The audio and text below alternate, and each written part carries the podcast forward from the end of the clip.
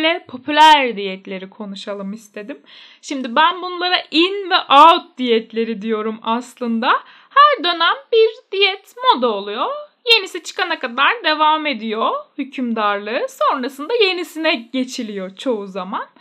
1960'larda 70'lerde özellikle karbonhidratlar düşman olarak görülmüş ve buna yönelik diyetler çıkmış. Sonra 80'lerde 90'larda bu defa yağlara düşman olunmuş ve ona yönelik programlar çıkmış. 2000'ler ve sonrasında da yine karbonhidrat düşmanlığı devam etmiş aslında. Günümüzde de yine e, ağırlıklı olarak protein diyetleri, ketojenik diyetler, son dönemde intermittent fasting özellikle birçok kişinin uygulamaya çalıştığı, bunun yanı sıra şok diyetler, bir yandan devam eden detoks diyetleri aslında e, her dönem mutlaka popüler olan bir diyet ve onun sonrasında yeni bir diyet akımı ortaya çıkıyor. Bunların geneline baktığımda 3 tane e, başlık altında toplayabiliyoruz aslında. 3 diyet modülü üzerinden gidiliyor.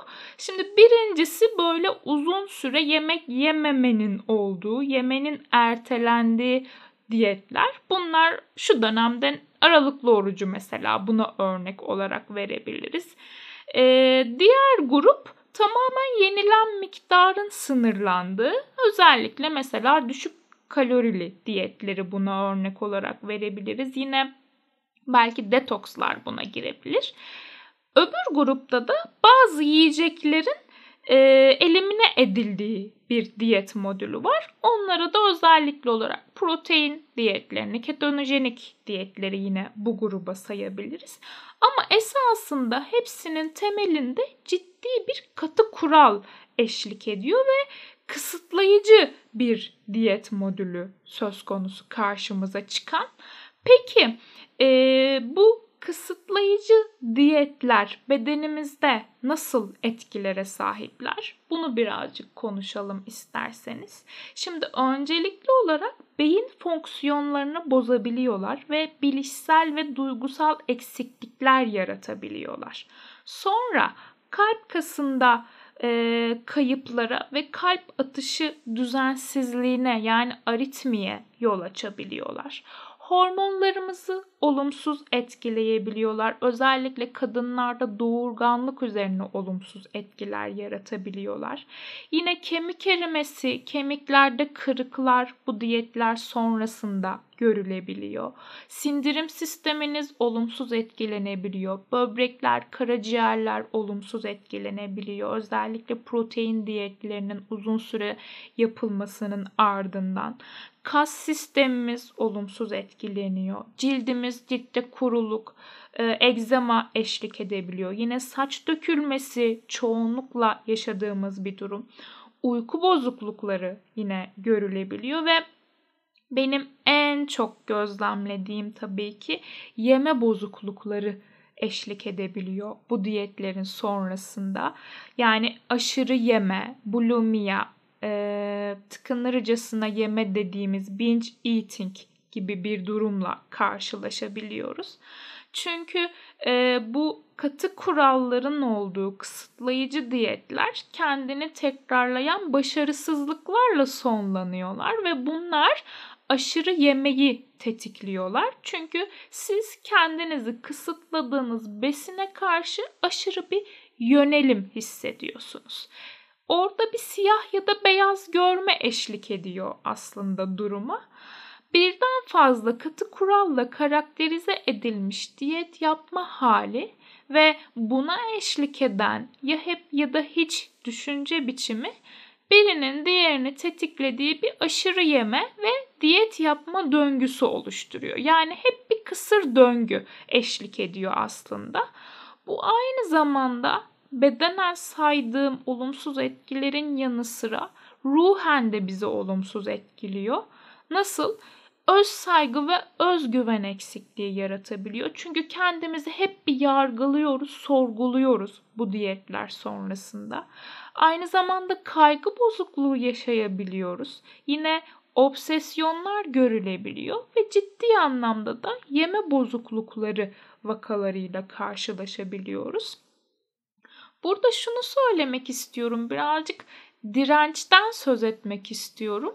Şimdi kurallara çok sıkı bağlı kalınan ve kendinizi sürekli olarak eleştirdiğiniz bir diyeti ne kadar sürdürebilirsiniz ve bu diyette ne kadar başarılı olursunuz? Bunu bir değerlendirmek gerekiyor aslında. Çünkü e, Christopher Germer'ın çok sevdiğim bir sözü vardır. Kendisi öz şefkatli farkındalığın yazarı. Okumadıysanız mutlaka öneririm. Diyor ki orada bir şeye karşı direnç gösterdiğinizde o şey bodrum katına iner ve orada ağırlık kaldırmaya başlar. Yani direnç gösterdiğiniz şey varlığını daha kuvvetli bir şekilde sürdürmeye devam ediyor aslında. O yüzden ben hep şunu söylüyorum ve bence bu çok kıymetli. Şimdi bir diyete başlamadan önce kendinize sormanız gereken sorular var aslında. Bunların başında şu geliyor. Ben bu diyeti ne kadar sürdürebilirim? Bu diyet benim için kalıcı mı? Gerçekten 2 günlük, 3 günlük ya da 2 aylık, 3 aylık bir diyeti yapıp sonrasında eski beslenme alışkanlıklarınıza dönüyorsanız zaten verdiğiniz kiloyu almamanız imkansız. Yani o kilo illaki geri gelecek size. Çünkü bu sizin hayatınızda bir davranış değişikliği yaratmadı. Siz bunu sonraki süreçte devam ettiremiyorsunuz. Yani bu program bana uygun mu diye hakikaten baştan bir sorgulamak gerekiyor çoğu zaman. Çünkü kahvaltıyı çok seven birinin e, kahvaltının olmadığı bir diyeti yapması uzun vadede sürdürülebilir olmayacaktır elbette. Aynı şekilde şu da başka bir soru olabilir. Bu bana kendimi daha iyi hissettiriyor mu? Yani bu diyet beni mutsuz ediyorsa, bu diyet benim sosyal ortamımdan uzaklaşmama yol açıyorsa ve ben kendimi mutsuz ve depresif hissediyorsam ben bu diyeti neden yapayım diye bir bakmak gerek. Bunun yanı sıra şunu sorabiliriz. Bedenimizi ve ruhumuzu besliyor mu? Ya bu bana iyi geliyor mu? Bu benim hayat kalitemi yükseltiyor mu? Bunları bir değerlendirebiliriz. Bu diyet bana özel mi? Yani şöyle düşünün. Parmak izi gibi bu aslında. Benim için uygun olan bir program başkası için uygun olmayabiliyor çoğu zaman. Burada bir yeniden yapılandırma stratejisine gidilebilir. Çünkü beslenme senaryoları aslında diyetimizin buzdağları. Yani kilo aldıran senaryoları kilo verdiren senaryolara dönüştürmek de yine bizim elimizde olan bir durum. Şunu söylemek istiyorum. Bence bu çok kıymetli. Sadece tek bir sağlıklı beslenme şekli yok. Yani sağlıklı bir beslenme biçimi besin ihtiyaçlarımızı karşılayan fiziksel ve ruhsal sağlığımızı en iyi duruma getiren beslenme biçimidir.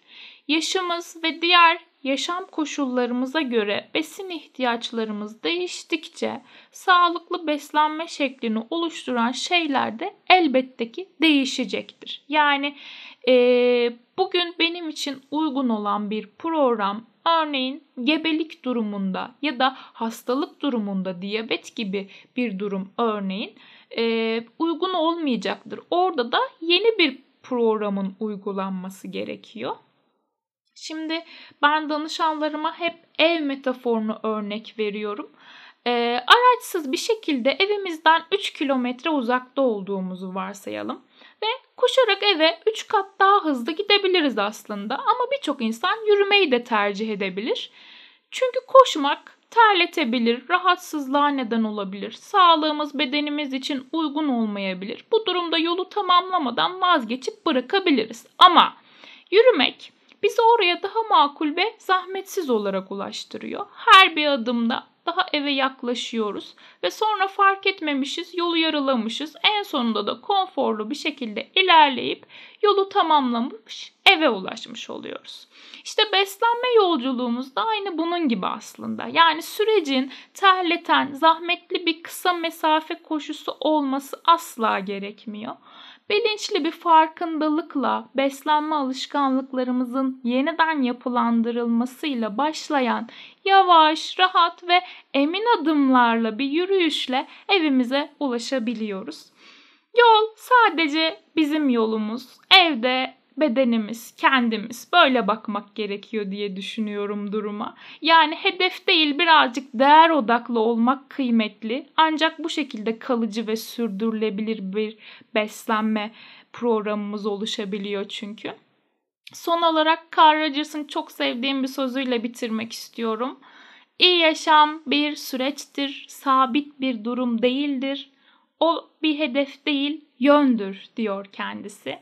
Benim bu bölümde söyleyeceklerim bu kadar. Umarım beğenmişsinizdir. Beni Instagram'dan Fatma Gönen hesabından takip edebilir. fatma.fatmagönen.com adresinden bana mail atarak ulaşabilirsiniz. Bir sonraki bölümde görüşmek üzere.